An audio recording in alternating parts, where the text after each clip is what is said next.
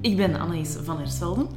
En ik ben Helene de Bruyne en dit is Vuile Lakens met een uh, hele korte aflevering tussendoor deze keer. Uh, weer eentje voor de vrouwen, vrees ik. Dus heren, blijven, blijf luisteren. We beloven dat we daar binnenkort iets gaan aan doen. Het wordt meer een reclameboodschap vandaag. En we zijn geïnspireerd, we horen het al denken, daar zijn ze weer, die wijven met een fixatie op hun eigen vagina, door onze regels. Inderdaad. Uh, en vooral door het feit dat weinig zo ergerlijk is als reclames voor tampon of maandverband. Forget it. I'm not going. Why not? Was he invited? Come on.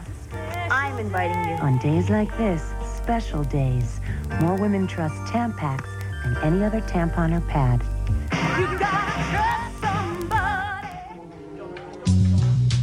Tampax Compact is so discreet, only you'll know it's a tampon.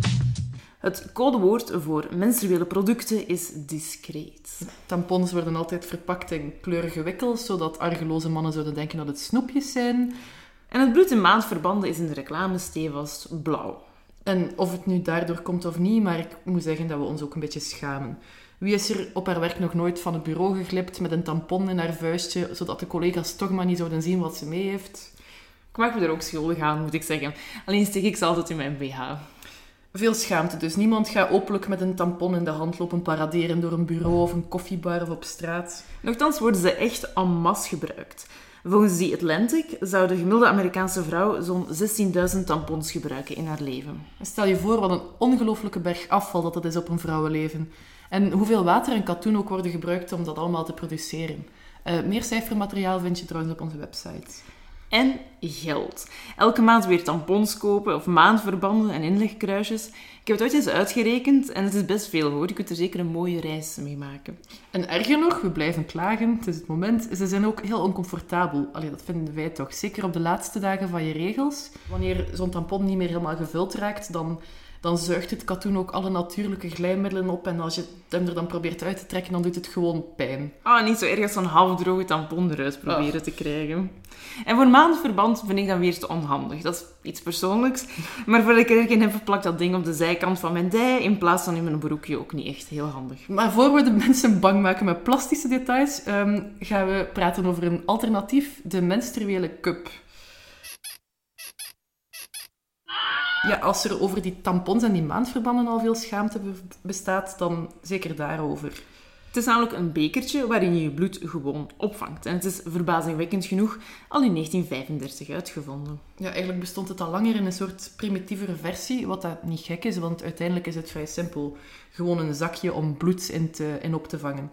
Um, in de 19e eeuw waren er prototypes van zo'n soort zakje dat verbonden was aan een soort kuisheidsgordelachtige riem Um, dat kon handiger. Ja, inderdaad. En dat vond ook uh, een actrice, Leona Chalmers.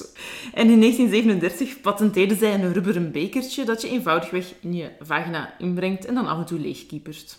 Ook leuk, in het patent stond expliciet vermeld dat het um, iets heel handigs was voor vrouwen die graag strakke kleren of broeken droegen. Want um, de maandverbanden die toen bestonden waren echt hele dikke pakken katoen Klinkt als een briljant idee, maar hij raakte nooit echt ingeburgerd, die cup.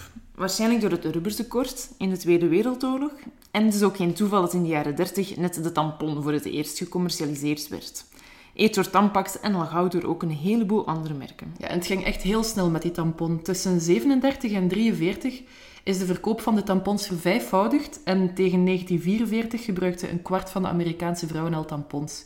Dat zijn cijfers voor Amerika. In Europa liep het allemaal wat vertraging op door de Tweede Wereldoorlog, maar uh, vanaf de jaren 50 werd de tampon hier ook wel gemeengoed. Je moet het ook in zijn tijdsgeest zien. Ecologisch bewustzijn was er nog niet in die mate en een wegwerptampon, dat stond synoniem met hygiëne. En zo is de cup dus een beetje ondergesneeuwd geraakt waarschijnlijk. Um, maar terug over naar de cup. Um, gelukkig zijn ze wel nog steeds blijven bestaan en worden ze nog steeds geproduceerd. En we hebben hier hier eentje bij ons. Beschrijf eens, hoe ziet zo'n ding eruit? Ja, het maakt weinig geluid, dus we zullen het beschrijven moeten doen. Het is een bekertje. Deze is nu doorzichtig, maar je hebt er ook in gekleurde siliconen. In siliconen, niet meer in rubber, want daar zijn gewoon veel te veel mensen allergisch voor. Je steekt het erin en het blijft heel de dag lekker zitten en vangt je bloedstroom op. En heel handig, er zijn ook, um, om het erin te brengen, moet je het zo een beetje dubbel plooien. En er zijn ook een paar kleine gaatjes in die, um, die de boel vacuüm trekken, zodat het er niet uitvalt. En na een uur of acht, of langer, want je kan het er zo lang als je wil inlaten, want anders dan bij tampons is er geen risico op infectie, wel, dan haal je hem er gewoon uit en giet je je bloed weg. En na je regels laat je hem een half uurtje koken om te desinfecteren en je stopt hem gewoon weer weg tot de volgende maand. Uh, voor nog wat meer details haalden we er uh, Elisabeth de Vos bij. Zij is een van de weinigen in België die menstruele cups verkoopt op haar website www.tanterosa.be. Um, zelf uh, vond ik het in het begin een beetje moeilijk om, om erin te brengen, maar eens dat ik eraan gewend was, was het eigenlijk prima. Kan je een paar tips geven voor beginners om zo over de streep te trekken, dat het, um, ja, hoe dat het op den duur wel makkelijk gaat?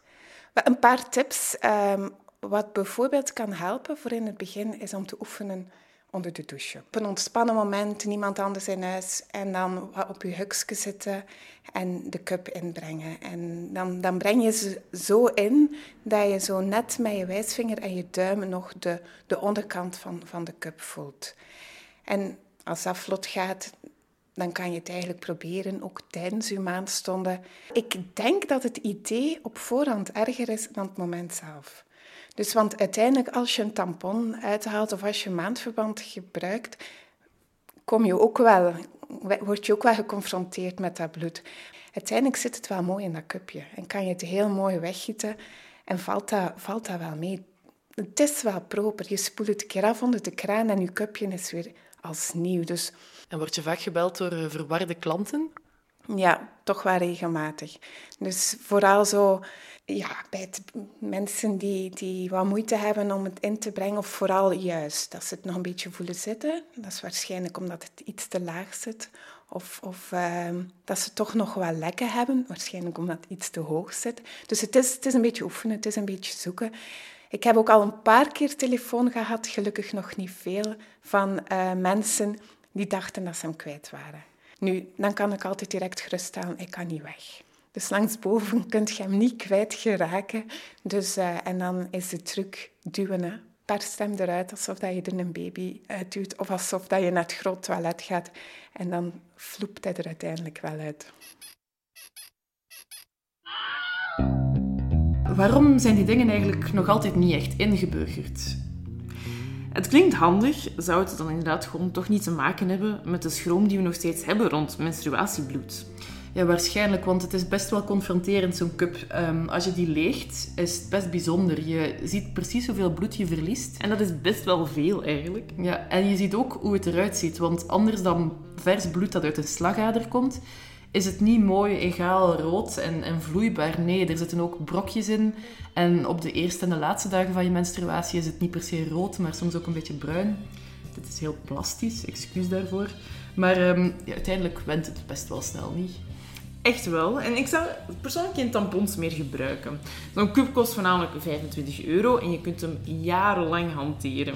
En het is ook veel ecologisch verantwoorder. Hier zijn we weer met alle voordelen. Ja, het zit ook veel lekkerder. Het droogt je vagina niet uit. Het zit niet in de weg tijdens het sporten. Je kan hem vergeten uit te halen s'avonds en er gewoon mee slapen. Niks aan de hand, geen paniek. Uh, het heeft geen koortje. Zijn er nog voordelen? nou ja, we zijn echt een wandelende reclamespot vandaag, maar we zijn ook wel echt enthousiast gewoon. We hebben geen aandelen beloofd. um, maar wie nieuwsgierig is naar een cup, je kan hem gewoon op het internet kopen. En ik zou zeggen, experimenteer een beetje thuis. Zo, dit was het voor vandaag. Het was een kort tussendoortje in afwachting op de volgende podcast die er aankomt. En die gaat over de vrouwelijke erectie. Ja, en over die vrouwelijke erectie valt zodanig veel te vertellen dat we nog steeds research aan het doen zijn. Dus uh, we houden jullie op de hoogte. Dank voor het luisteren.